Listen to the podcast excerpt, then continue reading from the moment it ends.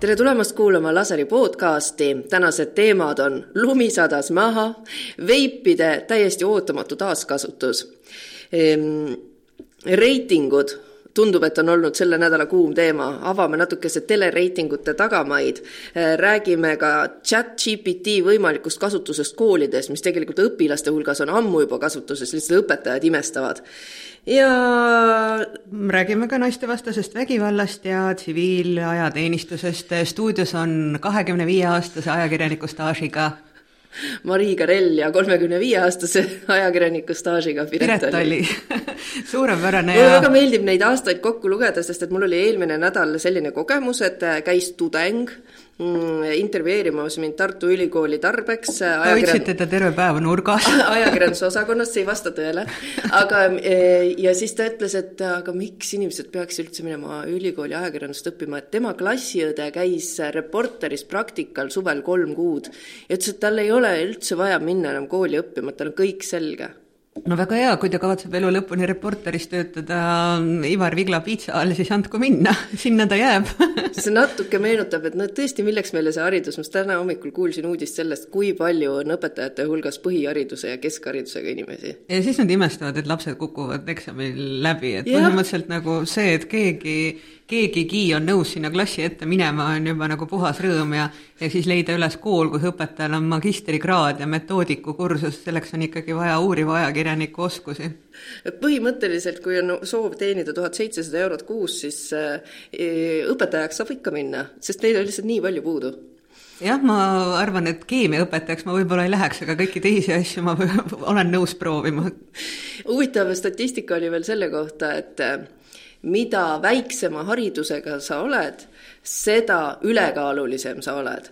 ehk et äh, kõik, kes vajavad motivatsiooni allavõtmiseks, äh, siis mm, mõelge selle peale, et kas te tahate välja paista kõrgharitud või vähem haritud jah, ja kusjuures mina lugesin ka uuringuid seoses sellest, et sellega, et me hakkame telereitingutest rääkima, et mida rohkem vaatavad inimesed äh, tele, telekat, seda suurema tõenäosusega nad on A ülekaalulised, B väiksema haridusega ja C kehvema tervisega. no üks on selge, et üks kord nädalas me soovitame telekat vaadata, see on teisipäeva õhtuti pool üheksa. jaa, seal võiks ikkagi olla selline põlvkondaülene teat-, teleka vaatamine, kus vanaemad, vanemad ja lapsed kogunevad teleka ette, et nad lõpuks ometi saaksid üksteise maailmast aru, sest see, mis neid saab ühendada, on laser. Absoluutselt, aga eh, selle nädala laseris ongi näiteks teema veipidest ja ühekordsetest veipidest, mis võiks olla väga põlvkondasid ühendav teema. sellepärast, et ähm, on selgunud, et kogumiskastid poodides, kuhu võib panna patareisid, sinna on hakatud panna, panema veipisid. et noh, et kuhu sa selle ühekordse veibi viskad, on ju, no on siin Ehm, osad inimesed viskavad lihtsalt põõsasse nagu suitsukoni, mis ei ole üldse okei okay,, sest et sellega saavad peenrad aastateks rikutud ja see on, see on sama hea, kui sa viskad ehm, mobiiltelefoni aknast välja, kui sa ei soovi seda rohkem kasutada või teleka aknast välja. et see on ikkagi elektroonikaprügi, aga siis osad on okei okay,, et nagu kuhugi peab nüüd sokutama, ma panen sinna patareide kasti. ja mida siis poemüüjad on tuvastanud? Number üks, käivad alaealised, niisugused kümne-kaheteistaastased lapsed, pistavad käe sinna kasti ja võtavad veibid välja, sest veipidel on selline komme, et kui nad natukese aega seisavad, siis nad settivad ja sinna koguneb see maitse kuidagi sisse ja siis nad tõmbavad veel neid, on ju. ja vähe sellest, nad müüvad ka minu arvates noorematele koolikaaslastele need eh, edukalt maha, sest mul on tunne, et veip on mingisugune asi, mida juba hakatakse noh, arvestades neid maitseid hakatakse tarvitama ilmselt algklassidest peale. mulle tundus, et sa ütlesid seda kuidagi mööda minnes, aga ma tahaks rõhutada, number kaks, nad müüvad endast veel noorematele neid kasutatud veipe edasi. et see on nagu veipide tõeline taaskasutus, et noh, sa leiad veel mingisugused inimesed, kes on nõus selle eest maksma ja siis need paar mahvi sealt tõmbama, ma ei kujuta ette, missugune õudne haiguste allikas see võib olla no ma arvan, et eh, selle nagu me oleme nagu välistanud, et eh, kuidagi unustanud ära, et kasutatud veebil võib olla ka näiteks eh, hepatiit või, või veel mingisugune süljega leviv nakkus, et et me oleme rääkinud alati nagu sellest nikotiinist, aga aga, aga noh, vaadates seda tänast veebilugu, et noh, ma arvan, et vanemad on ka paljuski hädas, kes võib-olla on kasvanud veel ajal, kus inimesed suitsetasid vana head sigaretti ja tubakat et siis veibiga kodus vahele jääda on oluliselt keerulisem, sest see ei jäta lõhna, aga mõjub oluliselt halvemini. Ja peab tunnistama, et kui me eelmine kevad tegime veibilugu, siis ma ka harisin ennast selles osas, et ma soetasin omale kaks veipi, ühe legaalse ja teise illegaalse. Ja pikkadel õhtutundidel siis äh, tarvitasin neid siin, kui ma äh, tegin roosasid täppe erinevatele montaažiridadele ja tõstsin neid kokku. viisid läbi eksperimendi iseenda peale? jaa, viisin ja, ja ma jõudsin samale tulemusele, mis Siim Nestor et kuna see lõhnas hästi ja, ja teda oli tore tõmmata ja sa ilmselgelt ei jäänud sellega ka vahele, sest sa said seda tarvitada toas, aga see, mida sa saavutasid, oli see, et sa said nagu totaalse nikotiini üledoosi ja ma sain elu grandioossema bronhiidi, et põhimõtteliselt ma ilmselt äh, Erve Sõõrule, kopsuarstile, oleks teinud äh, rõõmu nende näitajatega, mida ma olin siis saavutanud ühe-kahe milligrammise veibi äratõmbamisega, noh, see bronhiit kestis, ma arvan, kaks kuud. metsik äh, ja see veibiprügi on Eestis, seda on tonnide kaupa, arvatakse, et Eestisse tekib kvartalis kolmkümmend tonni veibiprügi, millest nagu ainult noh, esiteks see number ei pruugi olla tõsi, sellepärast et pooled on illegaalsed? Äh, jaa, pooled kogumispunktidesse viidud veipidest on illegaalsed, millest me võime teha järelduse, et et tegelikult noh, neid veipe on ikka nagu väga-väga-väga palju rohkem, on ju. siis äh, need kastid, mis poodides on vähe sellest, et need lapsed sealt üks, ühekaupa neid võtavad, siis on tuvastatud ka selliseid juhtumeid, kus Nad jooksevad laste... terve kastiga ja tuleb lastekamp, nad jooksevad kastiga minema. või siis näiteks nad tulevad, neil on taskus äh, nuga kaasas ja hoolimata sellest, et see kast on kuidagi kinni teibitud, siis nad hästi kiiresti lõikavad oma noaga need teibid lahti ja ikkagi võtavad need beebid kaasa ja lähevad minema. no minul on soovitus lapsevanematele, et äh, bookige oma lapse aeg täis huviring, et nad ei tolkneks mööda kaubanduskeskusi ja poode ja ei tekitaks seal igasuguseid äh, selliseid vaba aja veetmise viise, nagu on veibid või, või, või poevargused või, või midagi muud sellist, et noh, tundub, et see veip on ka mingi asi, mis on lansseeritud äh, järjest rohkem tüdrukutele, äh, noortele naistele ja lastele, sest arvestades neid maitseid, mida Eestis tegelikult ei tohiks tarvitada, mis on, eks ole, kaneelijäätis, vahukomm, suhkruvatt, melon, noh, need on jäätised ja kommid, mitte suits, et need on nagu täiesti pahupidine mõiste nagu sigarettidest. osad neist on ka jäätise kokteili kujulised ja siis nendele kogumiskastidele, neil on leitud lahendused, kuidas teha nii, et lapsed ei virutaks sealt veipe ära. pannakse peale kleeps, ära siit võta, vargus mille peale siis müüja ütles, et pff, põhimõtteliselt probleem on lahendatud, ainuke asi on see, et need lapsed nagu ei allu isegi sellele palvele, et palun lahkuge, ärge olge siin kasti juures, ärge võtke neid veipe, et neid lihtsalt ei huvita. jah, aga noh, selleni jaa, seda müüjat seal loos rääkimas küll ei näinud. see ongi, see podcastis me lisame infot, mitte ei räägi ära seda, mis televiisoris on. et selles ongi asja mõte, on ju. jah, selles mõttes küll, et võib-olla müüja ei tahtnud riskeerida sellega, et, et ta kohtub nende hulgaliste la, la, lapsevanematega, aga noh, küsimus on ju ka tegelikult selles, et kui sa jätad oma lapse kasutatud veibiga ripakile, siis noh, see, et ta seda tõmbab ja saab sealt mingisuguse nakkushaiguse või siis kopsuhaiguse on nagu tühi-tähi võrreldes sellega, kui ta hakkab seda omal käel lahti muukima ja, või veel parem täitma ja see plahvatab ta käes, sest noh, kõige suurem probleem on ikkagi liitiumaku, mis nende veipide elektroonilise prügi osas on kõige suurem ja noh, ma jõuan täpsele sam-, täpselt samale järeldusele, mis keskkonnaspetsialist Harri Moora, sest me jalutame koertega umbes samas kandis, temal on taks, mul on rassel ja, ja põhimõtteliselt see kooli ümbrus on äh, palistatud nagu veipidega ja, ja noh, need lendavad põhimõtteliselt igasse põõsasse. Kalamaja koolist räägid siis? Jah, just Kalamaja koolist, aga, aga terve see tee ka Balti jaamast sinna, et sa võid neid leida nagu igalt poolt, et noh, inimestel puudub vähimgi arusaam, et, et tegu on elektroonilise prügiga ja kui see jõuab prügikasti, siis ju leiab korduvalt tõestust selles, et mingil hetkel see väike armas veip äh, võib plahvatada ja tekitada tulekahju. Aga vahetame siit teemat ja mind väga huvitab, kuidas te Harry Moorega koos jalutasite täna koos oma Jack Russelli ja taksidega, kui lumi on jälle ootamatult talve hakul maha sadanud no minu Russellil, ma, täna Harri Moorat ei näinud, aga minu Russellil peab tunnistama, ei ulata jalad nagu sinna lumehange põhja ja siis ta nagu esisilla veoga üritab seal ülemises kihis kaapida ja, ja ma olin sunnitud talle täna panema käpa vaha, sest väljas on nii külm. Ja, ja kui inimesed soolavad teid, siis vaesed koerad, eks ole, ei saa käia, neil on valus. no soo-, teede soolamiseni me muidugi ei ole jõudnud, sest lumi just hakkas lumi just hakkas tulema, aga täna äh, liigeldes äh, mul lihtsalt tekkis küsimus, et aga kuidas peaks inimene siit lapsevankriga läbi saama?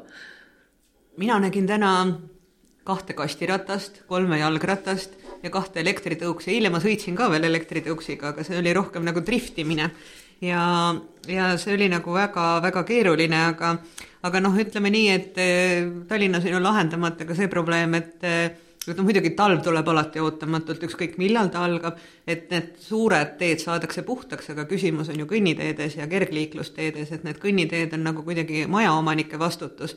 ja noh, olles täna näinud ikkagi varahommikust peale hulgaliselt tublisid majaomanikke labidaga vehkimas Eh, teeb see ju rõõmu, et inimeste tervis paraneb, nad ei pea jõusaali minema, nad ei kuluta raha, seda kõike võimaldab meile Eesti kliima. minu arvates me peaks suunama need lapsed, kellel muidu ei ole ringi, et siis eh, lumekoristusse, et võib-olla see on nagu võimalus need aeg sisustada. roomavad ringi lumehangedes ja vehivad labidaga selle asemel, et äh, hängata kusagil kaubanduskeskustes ja virutada mingitest kogumiskastidest veipe. aga tahakski selle jutuga jõuda sinnamaani, et mul on küsimus sulle, kas lumekoristus võib olla seksistlik? no arvestades seda, mis raamat sul on käes, mida sa kavatsed tsiteerida, siis midagi head sealt küll oodata ei ole, et see osutub seksistlikuks, aga ma võin ausõna üles tunnistada, minul ei ole lume koristamise vastu absoluutselt mitte midagi. ma, ma ei saa pigem aru sellest jõusaalindusest, aga aga lükata hoov lumest puhtaks, see on puhas rõõm, õhetavad põs-, põsed, endorfiinid nagu oleks trenni teinud. ma olen nõus, ma selle, sellele ei tahtnud üldse tähelepanu juhtida. aga kuidas see seksistlik on? no ma kohe räägin sulle no,. nii, kõik algas naljast, on ju. oli aasta kaks tuhat üksteist ja Karlskooga linnaametnikud Rootsis tulid välja soolise võrdõiguslikkuse algatusega, mis tähendas seda, et kogu linna poliitika tuli siis vaadata sellest pilgust läbi, et kas kas sooprisma järgi on ka kõik õigesti ja võrdselt tehtud, on ju. ja siis äh, selle peale hakkasid siis nagu need ähm, keskealised äh, meessoost linnaametnikud naerma, et ohohoo, näete, lumi tuli maha. lumi on küll kõigile sooneutraalne, palun väga, siin ei ole millegagi tegeleda. aga selgus, et kahjuks mitte, sellepärast et äh, kõigepealt, kui tuleb lumi maha, on aastaid tegeletud ka Rootsis sellega, et lükatakse puhtaks autoteed. aga kuna me teame statistikat, et ähm, jalakäijate hulgas on oluliselt rohkem naisi kui autojuhtide hulgas, siis see on täiesti seksistlik küsimus, kumma tee sa enne lükkad puhtaks, kas autotee või kõnnitee ja siis äh, kõik see tähendas seda, et see nii-öelda sooneutraalne lumekoristusgraafik tuli ümber teha ja äh, linnavolikogu otsustas, et prioriteediks tuleb seada jalakäijad ja ühistranspordi kasutajad, sellepärast et autoga on kümnesentimeetrisest lumest palju lihtsam läbi murda kui jala või lapsevankriga näiteks. ja kõige tipuks, mis siis avastati, oli see, et nad ähm, säästsid niimoodi väga palju raha sellepärast et seitsekümmend üheksa protsenti vigastustest talvekuudel saati ähm, äh, jalakäijate, said jalakäijad, et siin oli nagu ühe inimesega juhtunud õnnetused, siis jalakäija kukkus, tee oli libe, on ju, ja kuuskümmend üheksa protsenti nendest õnnetustest viga saanutest olid naised. ja kokku nad suutsid arvutada, et niimoodi jäistel ähm, teedel, lumistel pindadel kukkudes äh, see oli kulu kolmkümmend kuus miljonit Rootsi krooni ehk umbes kolm koma viis miljonit eurot talvehooaja jooksul. ja siis nad vaatasid seda korrelatsioonis sellega, et ähm, kui palju maksab see, kui me puhastaksime kõigepealt ära kõnniteed või autoteed, et no palju see teedepuhastusse nagu siis raha läheb. ja selgus, et isegi ähm, tagasihoidliku hinnangu puhul äh, igasugune teepuhastus maksis kaks korda vähem kui siis need äh, jalakäijate haiglakulud no selle valguses tahaks Rootsi elama kolida. aga mis linn see oli, Karlskrona või? Karlskoga jah, aga see selles mõttes, et see ei ole nagu, ma arvan, see Rootsis on nagu tänase päevani vaadatud ümber see erinevates linnades on ju, nii Stockholmis kui ka teistes Göteborgides ja nii edasi, on ju. noh, pooltes et... linnades on seal ka mingisugused äh, isesulavad tänavad enam-vähem. küsimus aga ongi selles, et noh, et kumba poolt sa eelistad siis, et keda sa tahad, et äh, kas sa kaitsed nõrgemat või sa noh, kaitsed autojuhti ja ma tean, et Tallinnas alati kasutatakse seda vabandust, et oi-oi-oi, kui me jätame ristmikel lume lükkamata, siis autod teevad ju avarii. aga ma just rääkisin nendest numbritest, mis juhtus jalakäijatega seitsekümmend üheksa protsenti talvekuudel suurenes see, et inimesed kukkusid endal mingi luu katki või midagi paigast ära. aga kas ei ole mitte nagu sõltumata sellest, kas tänavad on puhtaks aetud või mitte, et inimesed kukuvad talvel? Miks? no selles mõttes, et noh, libe on nagu nii ehk teisiti ja, ja, ja lumi ja jää. seitsekümmend üheksa protsenti, see ei ole reaalselt võimalik, on ju.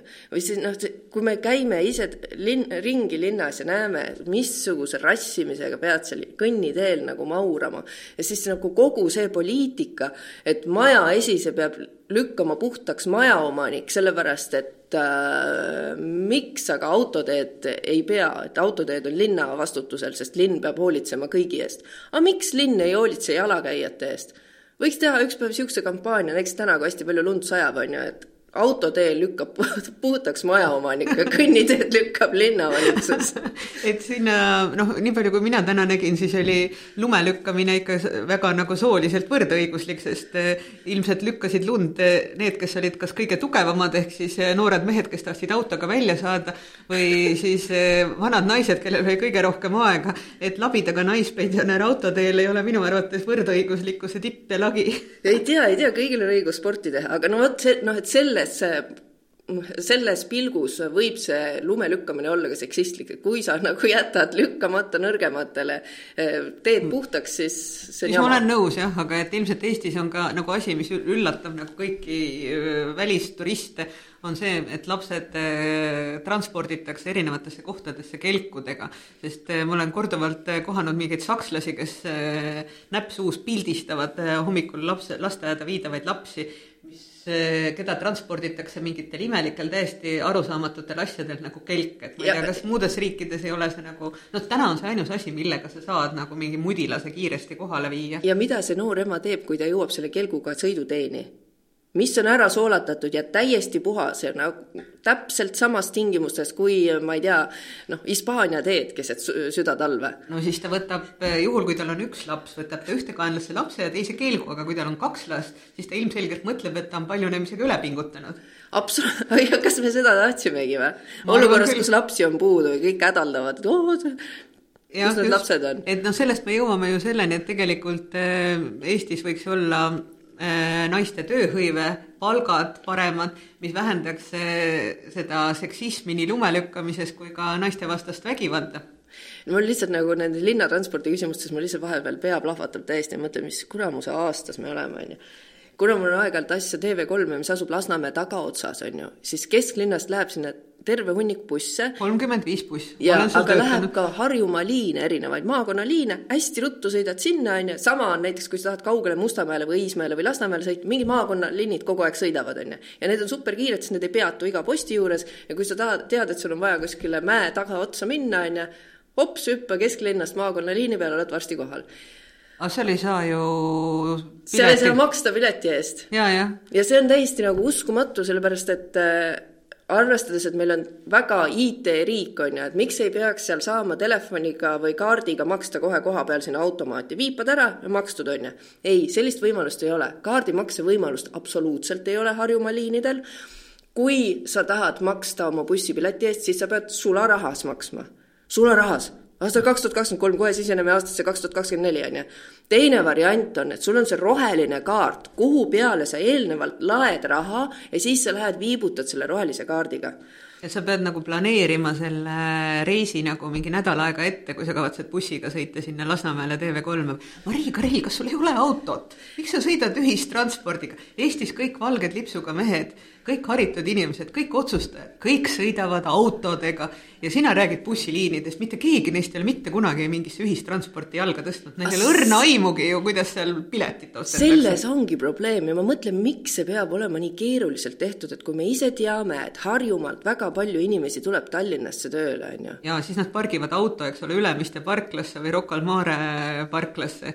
nii et kui me... sa lähed poodi, siis sa ei mahu sinna parkima, sest see on sõida ja pargi ja kui me teame, et CO2 emissioonis no, no mitmeid saastatusi, kakskümmend viis protsenti Tallinnast, viiskümmend protsenti Harjumaalt, on ju, et kuidas see on siis, et me ei suuda neid bussiliine teha kasutatavaks, et sa lähed sisse, maksad ära, tehtud kõik moodsad, mingi tellid äh, internetist, saad pileti ette osta, telefonis viib, kõik need võimalused on ju olemas. ja mina üldiselt tahaks nagu pöörduda Vladimir Sveti poole täiesti isiklikult ja küsida, mille kuradi pärast viies tramm peab käima kolm korda tunnis, et kas ma peaks tõesti kesklinnas elades arvestama äh, trammigraafikuga selleks, et jõuda punktist A punkti B niimoodi, et ma ei pea kaks korda ümber istuma. ma juba harjusin ära selle number kuus trammiga.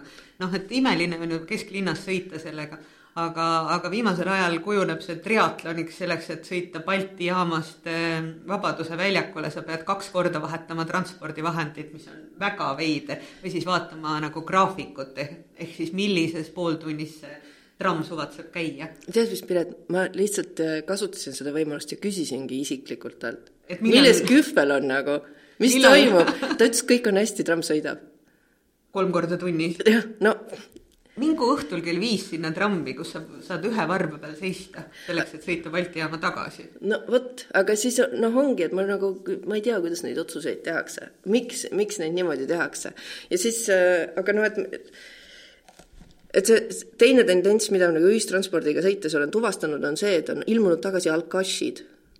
et keegi seal lihtsalt nagu magab nurgas ja haiseb et siis, kui olid piletikontrolörid, siis seda ei olnud, siis nad kupatati välja, on ju. nii, kontrolörid kaotati ära, nüüd see siin ähm, mis on ju noh, iseenesest okei okay,, ei pea selleks inimest pidama. kontrolörid tegutsesid viimati, ma arvan, kümme aastat tagasi, enne, enne rohelist kaarti. aga nad on tegutsenud ka nüüd, selles mõttes oli naljakas, et et elades Balti jaamas, siis ma statistiliselt arvut- või Kalamajas Eh, arvutasin välja, milline on tõenäosus kohtuda piletikontrolliga ja kas see tasub eh, ära nagu üldse mingisuguste kaartide soetamist. ja siis ma sain aru, et kokkuvõttes, kuna asotsiaalid nagunii sõidavad kogu aeg tasuta, pissivad istmetele ja tekitavad muidu erinevaid loike, et, et siis ja, ja ükski piletikontroll varem ei tulnud Põhja-Puiesteelt kaugemale Kopli suunas siis oli üsna tõ-, ebatõenäoline, et sa kohtud Tallinnas mõne tegutseva piletikontrolliga mis äh, tegi tegelikult äh, ühistranspordi mingisuguse kodutute öömaja pikenduseks. ja, ja noh, kuna need asuvad ka selles rajoonis ja, ja, ja siis ka sagedasti trammiliin, mis käis Keskturu ja Balti jaama turu vahel, oli ka nende nagu niisugune põhiline koht, eks ole, Keskturu peatus on ka tõeline parmupesa, samamoodi nagu Balti jaama peatus et siis äh, tekib küsimus, et kuidas me saavutame selle ühistranspordi, kus siis valged lipsuga mehed nagu julgeks jalga tõsta niimoodi, et see ei ole PR-sündmus, sest ma mäletan edukalt seda, kui Savisaar oli linnapea ja ta ükskord sõitis trammiga ja sellest kirjutati kaks nädalat ajalehes. Aga see kodutute tendents näitabki kahte asja, on ju, et me oleme tavaliselt liikumas sinna suunas, kus ühistransport on vaestele ja, ja sinna suunas, kus inimesed on vaesed. Et äh, sellest räägib ka varguste laine, mis on äh, tõusnud erinevates äh, trepikodades, et kui me rääkisime tuttava politseinikuga, siis ta ütles, et noh, et kõik asjad, mis koridoris tänapäeval on, tuleb jälle taaskord kinni siduda, sest et varastatakse kõike, mis kätte satub ja pandimajade elu lokkab täiega. ma arvan, et see on väga hea laseri teema jällegi. no kui sa kokkuvõttes näed ka seda, et kuidas nagu kaotada ära parmud, siis äh, mina jällegi paneks kinni erinevad alkoholipoed. Ja mitte keegi nagu ei arvesta sellega, et äh, näiteks äh, Balti jaama parmupesandus tuleb Araxise viinapoest. Ja samamoodi sinna tuli ka Kotsepuu tänava otsa disainikaupluse asemele ka uus viinakauplus. Mitte kellelgi ei mahu see absoluutselt pähe, et see on kooli lastesõime ja lasteaia vahetus läheduses et noh, mida lähemal on, eks ole, alkohol, seda lähemal on ka pahandused, vargused ja kõike muud sellist. et, et noh, varem oli ka nagu põhimõtteliselt nagu see koht, kus üritati varastatud kraami realiseerida, et sa üritad seda turul maha müüa teistele müüjatele ja ruttu saada kätte see raha kas siis narko või alkodoosi jaoks, siis praegu on see mõnes mõttes samamoodi ja, ja noh, tõesti poevarguste tase on kohutavalt kasvanud lisaks nendele avalikele vargustele ja, ja kuidas me siis nagu selle kaks mõjuasja siis jätame eh, lahku, ongi see, et kuidas siis hoida alkohol ja, ja, ja see, selle otsene mõju ühiskonnale eraldi mulle meenub, et Eesti on jällegi Euroopas statistikas esirinnas, mis puudutab seda, et mitu alkopoodi on ühe ruutkilomeetri kohta. et meil on neid mega palju ja siis ma vahel mõtlen, et et see, kuidas me sattusime sellisesse olukorda, et teed laupäeval lahti ajalehe ja siis kaks esimest uudist räägivad mingist kuritegevusest ja, ja sellest, et äh, see oli siis, äh, teine lugu rääkis sellest, kuidas inimesed lähevad nii raevukaks liikluses, et nad tulevad autost välja ja annavad kaaskodanikule peksa. Jah, peab tunnistama, et mind on korduvalt rattaga, kui ma olen sõitnud, on autot tahtnud ajada alla, et nad teeb rooliga järsu pöörde sinu suunas, et mida sa ronid oma jalgrattaga siia raisk. aga ma, ma ei saa sellest äh, aru, sest äh, ka kell viis äh, õhtul minna autoga liiklusesse, see on tunne, et kõiki inimesi on tööl nagu rängalt solvatud ja siis nad on tulnud nagu välja sealt nagu tohutu frustratsiooniga ja kõik, mida nad üritavad saavutada, on see, et saaks kellelegi ära panna. aga ma ei saagi aru, kas inimeste emotsionaalne intelligentsus on täiesti olematu või, või siis nad arvavad, et, et see kuidagi annab neile mingisuguse power'i, kui nad eh, kõikidele teistele ära panevad, ma ei saa sellest päris täpselt aru, aga siis ma keeran klassikaraadio kõvemaks ja ignoreerin kõike seda. aga täna hommikul tulles tööle juhtus minuga sebra peal selline lugu, et sumpan mina siis äh, kuidagi ühest kõnnitee otsast teiseni tahan saada ja proovin üle sebra minna. Ja lihtsalt ei ole võimalik väga kiiresti liikuda, on ju, jalad käivad all ringi. ja siis on, ma näen, et üks auto on seisma jäänud. Ja siis tuleb teine auto, annab kaugelt signaali juba, et kobige eest. Ja siis trügib kuidagi minu ja selle ühe auto vahelt läbi. Ja ma mõtlen, et mis asja sa teed praegu nagu, et äh, lasteaeda kiirustad või? Noh, ma ei, milleks? sellest ongi nagu keeruline aru saada, et, et noh, see halb kliendisuhe, mis jõuab absoluutselt igale poole, et mul on tunne, et see on nagu mingisugune selline karenite ühiskond, et noh, tuleb nagu kogu aeg äh, näidata koht kätte, et kõigil on nagu kõige osas õigusi, see on nagu väga vale, et noh, kui sa ei saa autoga piisavalt kiiresti Eh, nende arvates eest ära, siis on nagu signaal põhja või, või keegi tuleb sulle külje pealt, eh, sõidab sisse ja hakkab andma märku, et kao minema. et see ei ole nagu väga tore. oota, kes see Karen on? Eh, sa ei tea, kes on Karen või? Karen on tujuka kliendi võrdkuju et ma saan aru, et minu teismelised kodus ütlevad, et noh, teed Karenit või. et, et see ongi nagu see, kes nagu tänitab ja õiendab ja siis ütleb, et aga kus on mänedžer meil on ähm, parasjagu töös äh, lugu lähisuhtevägivallast ja äh, me president Kaljulaidiga ja siis äh, teiste naiste ekspertidega, lähisuhtevägivalla ekspertidega arutasime, et, et kust see tuleb, et nagu Eestis on jällegi noh, top esimesel kohal on ja Eestis on kõige rohkem naistevastast vägivalda üldse. kodu on väga ohtlik koht Eesti naistele. ja siis nad ikkagi tõmbavad paralleele sellega, et kui ühiskonnas üldiselt on väga palju ebaviisakust, sellist matslikku käitumist või noh, üksteise solvamist, Riigikogus väga sellist üleolevat äh, ärapanemist, siis see peegeldub kodudesse. sest see tundub justkui noh, nii inimesed peakski käituma, et see normaliseerib seda kõike. no ma arvan, et Eestis ka õpetajad ei streigiks, kui lapsevanemad kodus ei räägiks sellest, et õpetaja on mingi vaene rott, temaga tulebki käituda nii, et ta paneks sulle normaalse hinde et kui me jälgiks rohkem nagu seda, kuidas me kellestki midagi räägime eh, ja kuidas me millessegi suhtume, siis oleks ka nagu olukord kordades parem. ja, ja ma arvan, et eh, kui Eestis ei oleks ka palgalõhet, siis eh, oleks naiste sõnaõigus ühiskonnas kordades suurem, et puuduks nagu selline variant, et kes maksab, valib muusika. Ehk siis naiste nagu emotsionaalne ja materiaalne ja füüsiline sõltuvus oma teisest poolest oleks kordades väiksem.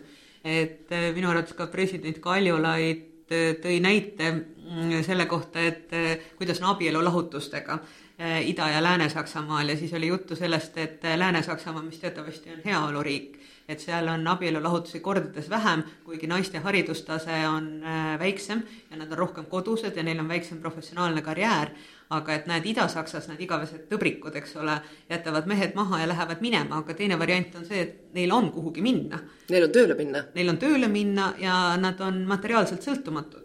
et äh, noh, mina ei saa täpselt ka aru, kuidas Eestis on jõutud selleni, et äh, naised on jällegi kuidagi jäänud nagu tahaplaanile oma nii tööhõives kui hariduses kui kogu aeg on nõukogude ajast peale olnud Eestis naised eh, tööturul hõivatud kordades rohkem kui mõnes heaoluriigis. naistevastasest vägivallast me räägime mm, rohkem ja süvitsi järgmisel nädalal. Eh, praegu tahaks panna südamele, et pange tähele, üle maailma on kuueteistpäevane naistevastase vägivalla kampaania, kus õhutatakse inimesi rohkem tähele panema, et kuidas su kolleeg ennast tunneb, kui ta tuleb hommikul tööle, kuidas su sõber ennast tunneb, märka, ole olemas. Ja eh, selle eh, siis sellele tähelepanu juhtimiseks võib näha inimesi oranži rinnamärgiga ringi käimas või oranži lindikesega või on ka linnaruumis president Kaljulandi fondi poolt tehtud kampaania, kus osad majad, millel on palju valgustust, on siis värvunud selleks perioodiks oranžiks, et kuni viienda detsembrini see kestab ja erinevates raamatukogudes, Haru raamatukogudes Tallinnas on välja pandud siis valik naistevastase vägivalla teemal kõnelevaid raamatuid. aga ühe raamatu, millest me siin äh, paar nädalat tagasi rääkisime, leidsime nüüd ka eesti keelest, et me rääkisime, et on äh, tulnud selline vahva seriaal nagu Keemiatunnid äh, vaatamisse ja et see on üle maailma osutunud tohutult populaarseks ja see on tehtud Bonnie Carmussi raamatu äh, järgi Keemiatunnid ja nüüd ilmus see eesti keeles kirjastuselt Varrak. ja kokku on seda raamatut tõlgitud neljakümmet kahte keele, keelde ja see on kuuekümne kuue aastase kirjaniku jaoks olnud nagu tõeline siis äh, kuulsuse tulek et ma vaatasin ta kodulehele, et tal näiteks veebruariks on valmis pandud selline asi, et sa saad minna siis kirjanikuga kohtuma, aga see on veebi, veebitund, et nelikümmend viis minutit kuulsa kirjanikuga toimub mingisugune veebidiskussioon, seda juhib keegi, keegi intervjueerib ja natukese võetakse siis äh, küsimusi ja vastuseid ka auditooriumiga. no siin tasuks meelde tuletada, et millest see raamat oli, et eelmist korda ei pruugi teised mäletada, et tegu on siis äh, keemiateadlasest kes kas oli kuuekümnendate või seitsmekümnendate Ameerikas, viiekümnendate Ameerikas, eh, üritab eh, läbi lüüa, aga kõik, mis ta saavutab, eh, on see, et talle öeldakse, et kuule, mine keeda kohvi. et see stereotüüp, mis kuidagi on Ameerika selle retrolaine filmidega Eestisse väga palju tulnud, ongi nagu ka see, et filmides järjest rohkem nagu suitsetatakse, järjest rohkem minnakse tagasi aastakümnetesse, need mõnes mõttes tegelevad oma sellise mineviku rehabiliteerimisega jaa, ja et see on, äh, näitab siis, äh, kuidas äh, naine võitleb oma õiguse eest karjäärile ja oma õiguse eest elu, siis õiglasele elule ja võrdsele elule ja sealt filmist, raamatust on pärit selline lause nagu children set the table, your mother needs a moment to herself jah, lapsed siis kui toit on valmis saanud, ta on teinud kaks tundi, et see oleks super täisväärtuslik, vitamiine täis, seal ei oleks mingit kräppi seal, seal ei oleks transrasvu, seal ei oleks äh, säilitusaineid, on ju, siis ta ütleb, palun katke laud, lapsed, ma võtan selle hetke äh, nautida korra. Vaikus, ma sain valmis, lähme edasi ja seda lauset ja seda lauset ta kasutab siis äh, oma telesaates, et äh, kuna ta on keemiadoktor ja teda doktor, doktoritööd ei lasta tal ära teha, teda ei võeta tõsiselt, siis ta lõpuks satub nagu maailmakuulsa Koka saatejuhiks, kus ta iga saate siis lõpetab selle fraasiga. Ja siis äh, kõik vaatajad, kelleks on siis tõenäoliselt emad, kes tunnevad ära selle tunde, issand, kui palju ma olen pingutanud, et õhtusöök valmis teha.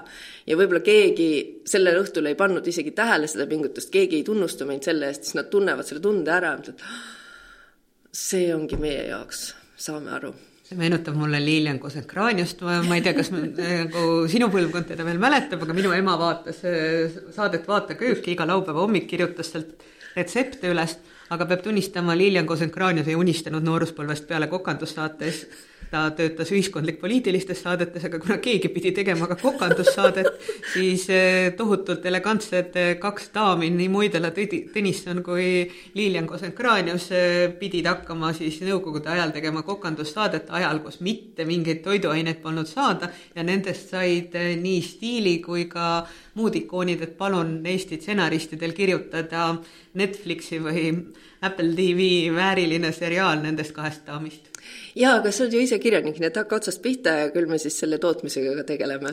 just, aga kas me nüüd jõuame selleni, et me äh, saame teada, miks keegi üldse ei taha enam televisiooni vaadata ja miks kogu reitingute maailm on pööratud pea peale, sest äh, kogu see mm, äh, noorte täiskasvanute, laste ja teismeliste gäng on kolinud üle erinevatele voogedastusplatvormidele ja viimati, kui ma juhtusin nägema äh, Kantar Emori meediauuringute mm, teadlast, siis eh, Kristina Kask või Kass eh, rääkis televisioonis, et eh, noorte viieteist kuni kahekümne üheksa aastaste teleka vaatamise aeg on viimase viie aasta jooksul vähenenud poole võrra, ehk siis kui eestlased vaatavad rekordiliselt palju televisiooni, ehk siis viiekümne pluss vanuses üle nelja tunni päevas, varem vaatasid ka noored kolm tundi, siis nüüd nad vaatavad poolteist tundi ma iseenesest ei pea traagiliseks seda, et viieteistaastane vaatab äh, televiisorit nädalas ainult tunde nelikümmend.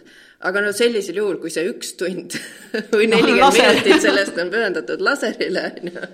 aga et, et televiisorit, lineaarset televiisorit vaadatakse üha vähem, see ju, me kõik teame seda, me kohtume igapäevaselt inimestega, kes ütlevad, oi, mul ei ole kodus telekat, on ju. aga millegipärast mingis... nad teavad täpselt, mis sealt telekast tuleb. minu arvates on sellega nagu omal ajal sellega, et kõik ütlevad, oi, ma ei tea, ma Kroonikat ja Õhtulehte ei loe, aga tead, mis seal eile kirjutati?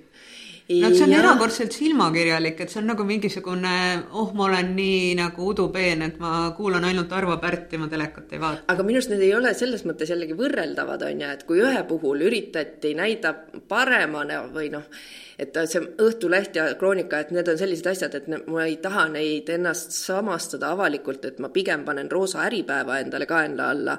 et siis selle telekaga on selline asi, et ekraani vaatavad inimesed rekordpalju just. lihtsalt, et kas nad vaatavad sealt lineaarset televisiooni, et see on nagu iseküsimus, et ähm, noored vaat-, leiavad äh, telekasaated hoopis teistmoodi üles, nad leiavad need üles sotsiaalmeediast, nad leiavad need üles Youtube'ist. Ja et kui siin eelmisel nädalal ilmus äh, lugu sellest, et äh, et näed, et kus on äh, TV3 ja miks ta ei ole üldse reitingute topis ja et näed, et ETV siin on ja võidutseb ja, ja Kanal kaks ka mingite saadetega, et siis ma mõtlesin, et ma natukese avan, et mismoodi neid reitinguid üldse mõõdetakse, on ju, et mis, mis reitingud on olulised ja mis ei ole olulised. mina kokkuvõttes võiksin koostada need top kümne saate edetabelid juba neljaks aastaks ette ära, et paneks Pealtnägija esimesele kahele kohale ära, siis paneks AK, siis paneks Ringvaate ja noh, kokkuvõttes mul on tunne, et see ongi kuidagi nagu nii paigas, et eh, keegi mitte kunagi mitte ühegi saatega ei saa sinna jalga ukse vahele seal on eh, kaks asja, mida on vaja eh, teada reitingute puhul, et need telereitingud, mida avalikult siis välja käiakse, millest kirjutatakse uudiseid iganädalaselt, need põhinevad neli pluss vaatajaskonnal. neli pluss vaatajad on siis kõik vähemalt nelja-aastased inimesed nelja-aastastest lastest kuni pensionärideni välja. selles segmendis kõige suurema hulga vaatajaid tegelikult moodustavadki pensionärid ja pensionärid armastavad ETV-d, sest seal ei ole reklaami ja nad on harjunud seda vaatama ja kui me vaatame neli pluss tabelit, siis me näeme, et numbriliselt on seal justkui inimesi kõige rohkem, aga nüüd ongi, et, et ke-, et keda sa siis oma mingi saatega täpselt tahad kõnetada, et kas see on see pensionär või see on hoopis sealt teisest otsast, on ju. et kui mm, me teeme oma laserisaadet, on ju, siis meie sihtgrupp ilmselgelt ei ole kaheksakümmend pluss kui me vaatame teemasid, et me tahame seda nooremat inimest kätte saada ja, ja nooremad inimesed vaatavad televiisorit vähem, mistõttu noh, tulebki vaadata, kuidas me siis jõuame nendeni, eks ole. et see on nagu üks asi, et need neli pluss reitingud, et seal on arusaadav, et ETV saated võidutsevad, sellepärast et pensionärid vaatavadki kõige rohkem televiisorit. ja kommertskanalit üldiselt huvistab rohkem nagu vanus viisteist kuni nelikümmend üheksa või viisteist kuni viiskümmend üheksa, sest see on maksujõuline inimene, kes kommerts kommertstelevisioonile on oluline seetõttu, et reklaamiandjad teaksid, et aa, näed, nad suudavad osta neid Ariele ja homosid, mis me neile näitame, on ju ei, kokkuvõttes minu arvates on see ka reklaamiandja seisukohalt väga vale, sest ma pakun, et ei ole Eestis vaesemaid inimesi, kui on äh, need kakskümmend pluss vanuses, kellel ei ole veel mitte midagi, kes ei teeni veel mingit raha, et viiskümmend pluss on, ütleme niimoodi, erakordselt alahinnatud reklaami sihtgrupp. Ja ma ei ole näinud rikkamaid inimesi kui pensionärid mingis mõttes, sellepärast et neil puuduvad eluasemelaenud. Eh, nemad võivad kulutada meelelahutusele, nad ei pea kulutama lastele. Ja iga kord, kui ma näen, eks ole, jalutades eh, tulemas pensionäride klubi Salme kultuurikeskus, nad arutavad, kas teha lõhet või forelli, kas sõita Maltale või Tenerifele, ma ei tea, kas need on ainult Tallinna pensionärid, aga kokkuvõttes eh, mina reklaamimüüjana ei alahindleks seda segmenti ja teine, ma kujutan ette neid pensionäre, kes varsti koputavad meile, no Piret, sa oled kõigest valesti aru saanud, saa ise pensionäriks, siis näed, kui raske elu on, on ju. aga siis teine asi, mida reitingute puhul tuleb silmas pidada, et ETV-s ei ole reklaami, aga reitingutabelisse arvestatakse saadete vaadates koos reklaamiga. et kui meil on laserisaade nelikümmend kaks minutit ja siis selles tunnis on veel nagu kaheksateist minutit reklaami jaotunud kahesse reklaamipausi, kumbki on üheksa minutit siis see üheksa minutit, millal on reklaamipaus ja tegelikult inimesed lineaartelevisioonis vajutavad tõenäoliselt kuskile mujale kanalile, et sipsivad ringi ja lähevad sellelt kanalilt ära, siis tegelikult see reklaamiauk arvestatakse meie vaadatavuse sisse pluss veel see tegelikult ka, et äh, ma ei tea, kui palju ikkagi on üle-eestiliselt inimesi, kellel ei ole nagu digibokse ja kes vaatavadki ainult vabalevi kanaleid, et äh, no neid ei ole väga palju. jaa, aga et noh, mingites raadiokuulamistes on ka see, et äh, läheb, eks ole, heldinud raadioreporter kuhugi maale, mis raadiot te kuulate, Vikerraadiot aga unustades ära järgmise lause, et meil siin kahjuks muud ei kuule või minu raadiovastuvõtja muud ei võta, et see seletab ka seda, et miks vaadatakse vähem erakanaleid ja miks vaadatakse väga palju siis ERR-i kanaleid, et, et need on lihtsalt nagu kättesaadavad ja noh, need elajalikud kaheksaminutised reklaamipausid, et kuna ma olen olnud sunnitud eh, vaatama peaaegu aasta järjest eh, otsesaate toimetajana seda, mis ekraanil toimub poolteist tundi, siis eh, need reklaamipausid nagu lineaarses televisioonis üle elada, see on ikkagi no see on katsumus. see on katsumus jah, et ma saan aru, et neid noh, kes ja miks peaks seda nagu vaatama ja, ja kuidas on üldse võimalik, et reklaamipaus on kaheksa minutit? ja, ja seda, seetõttu paljud ähm, on loobunud vaatamast lineaarist televisiooni ja pöörduvad hoopis voogedastusplatvormide peale ja on parasjagu välja tulnud kaks väga populaarset reality show'd, mis, ähm, millest üks on tehtud äh, siis mä-, seriaali Squid Game ainetel ja see on äh, Netflixis levinud ja Squid Game on olnud äh, Netflixi kõige suurema vaataja hulgaga show üldse kunagi, kõige edukam projekt, mis nad teinud on. ja, ja nüüd selle põhjal siis on tehtud äh, reality show, kus inimesed lähevad, nad saavad selga need samasugused rohelised dressid. oota, lõpus tapetakse kõik ära või? ma ei saa öelda, ma ei saa öelda, et see on reality päris inimestega, neil on need rohelised dressid seljas, on ju. No.. siis need setid on ehitatud täpselt nagu Squid Game'is, see on esimene mäng, nad astuvad sinna platsile, mänguplatsile, mille lõpus on siis see suur hiiglaslik nukk kes laulab ja keerab pead ja sa pead jõudma viie minutiga siis finišijoonele ja kui sa sellel hetkel, kui nukk keerab pead, liigutad, siis sind lastakse maha. otse-eetris, veri pritsib objektiivi. ja need televaatajad, need päris inimesed, kes on läinud sinna show'sse, nad hakkavad kukkuma.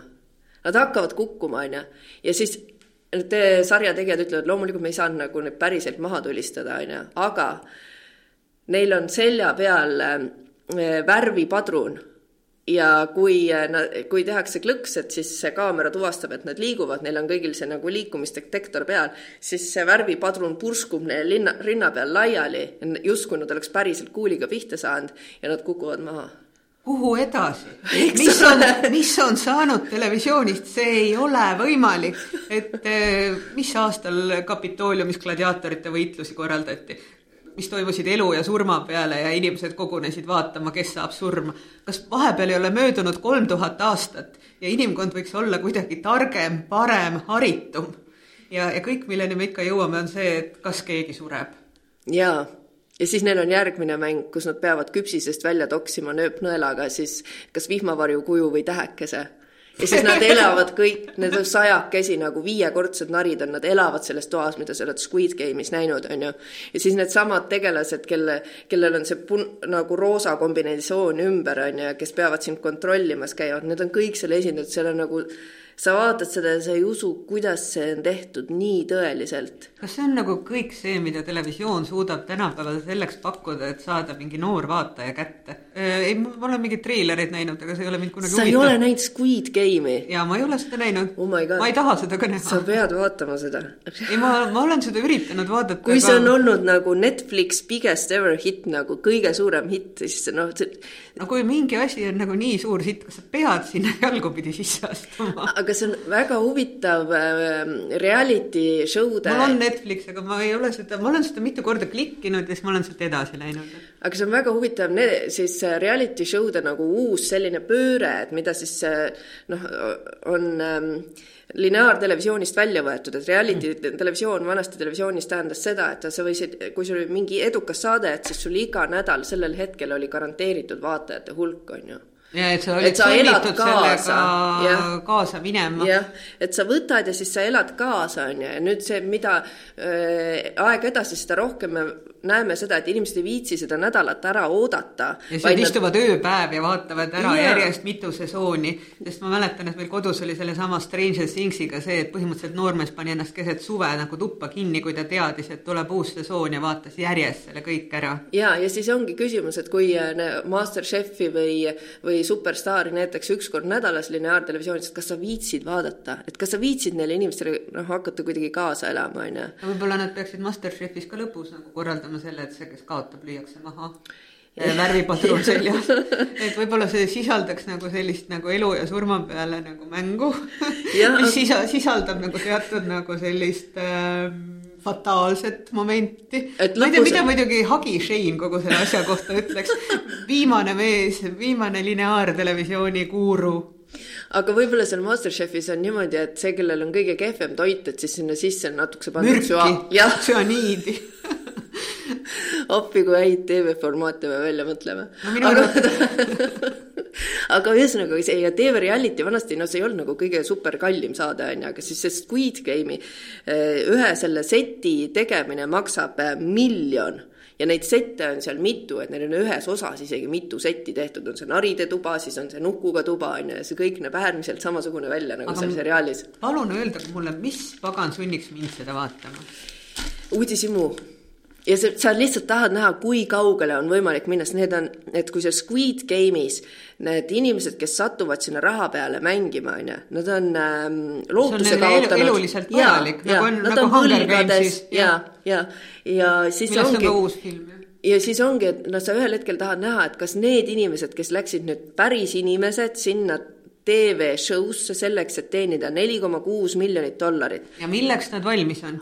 kui alla nad langevad? ja kas Logan Paul, kes suudab ka, eks ole, teha selliseid äh, miljonilisi pakkumisi inimestele, et kas see on sellesama T2 äh, poolt et kas see on seesama televisioon, et üks Youtuber suudab teha nagu sama palju kui suured meediafirmad, eks ole, et eh, pakkuda sedasama müüti, tuhkatriinu müüti, et sa saad nagu üleöö kuulsaks, rikkaks ja ma ei tea, mida kõike veel, sest ma arvan, need on tavalised inimesed, et need ei ole mingisugused staarid, et neid on ka nagu valitud sinna ja mõnes mõttes see, nende taust ei erinegi sellest, et nad tahavad ka ju jääda ellu, et noh, kui sa oled olnud mõnigi kord, eks ole, reality show casting us siis valitakse ju kindlaid tüüpe, et huvitavaid tüüpe, jah? no huvitavaid, meeleheitel, hädas mm, -hmm. õnnetuid. et noh, sa tead, et nad noh, nagu mängivad ennast niimoodi lahti, et seda on teistel huvitav vaadata. et see on mõnes mõttes julm aga selle Squid Game'i puhul on üks teine huvitav asi veel, et ähm, et kui see e-, ühelt poolt nagu muudab seda reality TV arusaama, et mis asi on siis äh, tõsielu show on ju, siis teiselt poolt ta jällegi näitab, kui oluline on omada tugevat brändi, et sa saaks siis selle najale ehitada mitu-mitu asja. et Masterchefil on mingisugune üheksa erinevat eh, siis eh, formaati, et ühes, ma ei tea, tehakse ainult eh, kooke ja teises tehakse ainult sushit, on ju, et neil on üheksa erinevat siis formaati sinna ümber tehtud, sest see bränd on nii tugev, on ju, et siis Squid Game on olnud sama tugev. nüüd Amazonist tuli teine reality tv seriaal, mis põhineb Bondil ja siis see on nagu niisugune seikluslik seriaal, see veits intelligentsem see veits intelligentsem. ma just hakkasin mõtlema, et mis tingimustel ma nõus seda oleks vaatama, sest Bond mulle mingil määral meeldib muidugi nagu ma ei tea, kas Sean Connery või Roger Moore'i ajast. nii, aga ma räägin sulle kohe siis, äh, mis sulle peaks seal äh, meeldima, on ju. esiteks, imekaunid loodusvaated, et kui sulle meeldib nagu Šotimaa maastik, on ju. oota, ilusaid mehi ei ole või? nii ähm, reality show's või ah,? Okay. ei no huvitavad tüübid, huvitavad, eks sa pead ise otsustama, kes, kus see ilu seal nagu läheb, onju. aga siis äh, teiseks, et milliseid Bondi ülesandeid sa saad siis tavalistele inimestele välja mõelda, et neil reaalselt oleks võimalus seda ka täita. et noh, üldiselt inimesed ikkagi ju mm, noh, ei ole ülivõimetega, on ju, et sinna tulevad tavalised inimesed ja siis nad peavad sumpama tundide ja tundide kaupa mööda seda Šotimaa mäestikku ja leidma mingisugusest järvest siis mingisuguse kohvri, mis annab neile järgmise vihje, on ju. Nad ei tõmba sealt mingit Loch Nessi välja. Loch Nessi ei tõmba, aga otsivad seda lohhi, no ehk siis järve no tundide kaupa taga ja ma mõtlen alati, et issand, kui kallis see pidi olema. et me tegime sinuga koos ähm, tõsieluseriaali Päästa mind, kus siis äh, inimesed pidid äh, hakkama saama ekstreemsetes tingimustes nagu äh, täna, äh, kus on lumi ja on padaorg ja sa jääd kuskile kinni ja siis sa pead nagu ise hakkama saama mingistes äh, oludes. ja sina koos oma pojaga olid keldris päev otsa kinni. koeraga. ja koos koeraga, on ju, ja see on nagu pime kelder, hästi tolmune, hästi vastik, on ju, ja kui me seda, seda noh, kirjutasime või skriptisime, siis meil tegelikult alguses oli mõttes, et me peaks seal vähemalt kolm päeva olema koos nende inimestega, et saada päris emotsiooni. sest et äh, kui sa tead, et sa õhtuks saad välja, siis su meel on hoopis teisiti meelestatud, et noh, ma kannatan selle natukese ära. aga kui sul on kolm päeva vaja seal keldris olla, siis äh, oota, see budžett oleks ka neli koma kuus miljonit sel juhul olnud või? jah, ma, vot ja selle taha jäigi asi. et ja sul no, ei olnud seda nelja miljonit. et ei olnud seda nelja miljonit, et jälgida teid kolm päeva keldris, on ju. või siis järgmine seltskond, neil üks perekond siis läks, pidi evakueeruma justkui ühest Eesti otsast teise, on ju. Neil läks vahepeal seal, puud olid teedel, kütust sai autost otsa ja kõik see värk, on ju. et see kõik oleks olnud palju tõsisem, kui nad oleks pidanud noh, seda kolm päeva tegema sest kolme päeva jooksul sul ikkagi tuleb väga suur nälg, väga suur väsimus, väga suur kõik need asjad, külm, palav, soe, pissihäda, on ju. et noh, et see on see, mis teeb sellest reality'st reality ja seal Bondi sarjas äh, Nad siis jälgivad neid inimesi pikalt, ähm, äh, kärutavad nendega mööda erinevaid kohti, et noh, ma jõudsin ära. doktor Hughes ei ole, kes annab sulle mingeid plahvatavaid pastakaid? jaa, aga on äh, siis see mees, kes mängis Successionis Logan Royd, on ju, Brian Cox on siis see halli habemega värkas mees, kes annab sulle läbi kohvri vihjeid, on ju, aga siis need küsimused on ka niisugused nagu veits intelligentsemad, sa pead teadma seal mingit Inglismaa ajalugu, Šoti ajalugu, kuningaid, on ju, et seal on niisugune hariv element ka sees no ja võib-olla see on ikkagi nagu see viiskümmend pluss, erinevalt sellest äh, Squid Game'ist. täiesti kindlalt, sest et see on aeglasem. ja Just. no sa, ma taban ennast mõtlemast, et issand jumal, ma ei tea, kas ma viitsin, et äkki ma keriks edasi, on ju. aga ma ei tea, kas ma nagu ka viitsiks, aga noh, arvestades seda, mida noorukid vaatavad Youtube'ist või, või mida nad üldse vaatavad mingisugusest televisioonist, siis viimasel ajal ma olen nõu-, jõudnud selleni, et äh, mind survestatakse selles osas, et seesama Võlu väike noormees, kes oli seal keldris ja pidas seda erakordselt lahedaks kogemuseks, ta oleks seda veel võinud teha, sest äh, mida sa veel nagu tahad, et teed priimuse peal süüa ja ja siis äh, saad värve pritsida ja siis saad konservikarpe mööda põrandat hõõruda. tema on nüüd otsustanud minna äh, talvel lumehange ööbima võimalikult üksildases kohas ja võimalikult üksinda sest ta on näinud, et üks Youtuber on seda teinud. anna talle siis kaamera kaasa. E, jaa, palun, et korraldada siis e, ellujäämiskursus lumehanges, et kui meil on lumi olemas, eile me suutsime juba võtta autot, eks ole, kirve abiga kaevata jääst välja operaatoriga, siis me oleme põhimõtteliselt valmis väljakutseteks. väga hea, kohe helistame Päästeametisse ja mis nad, küsime, mis nad arvavad sellest mõttest. et sõidame et pakkuda, täna Padaorgu jaa, et sõidame täna Padaorgu ja pakume inimestele lihtsalt nagu erinevaid meetodeid välja, et kuidas kriisist hakkama saada, väikese tüki haaval, et ei pea vaatama ära poolteist tundi Šoti vaateid, vaid lihtsalt nagu inimene on hanges, auto on jääs, mida teha? jah, ma arvan küll, võta pagasnik, murra lahti, leia kirves kuidas saad kirvega jää pealt ära? aga Just. kui te kaalute, et mida vaadata televisioonist järgmise nädala tunni ja neljakümne minuti jooksul, siis soovitan laserit ja kuulake taaskord meie podcasti ja leidke ka Youtube'ist üles meie Lasertech, mis äh, väikeste ampsudeni viie-kuueminutiste lugude kaupa aitab aru saada, millised trendid tänapäeva sotsiaalmeedias levivad ja kuidas neid mõistma peaks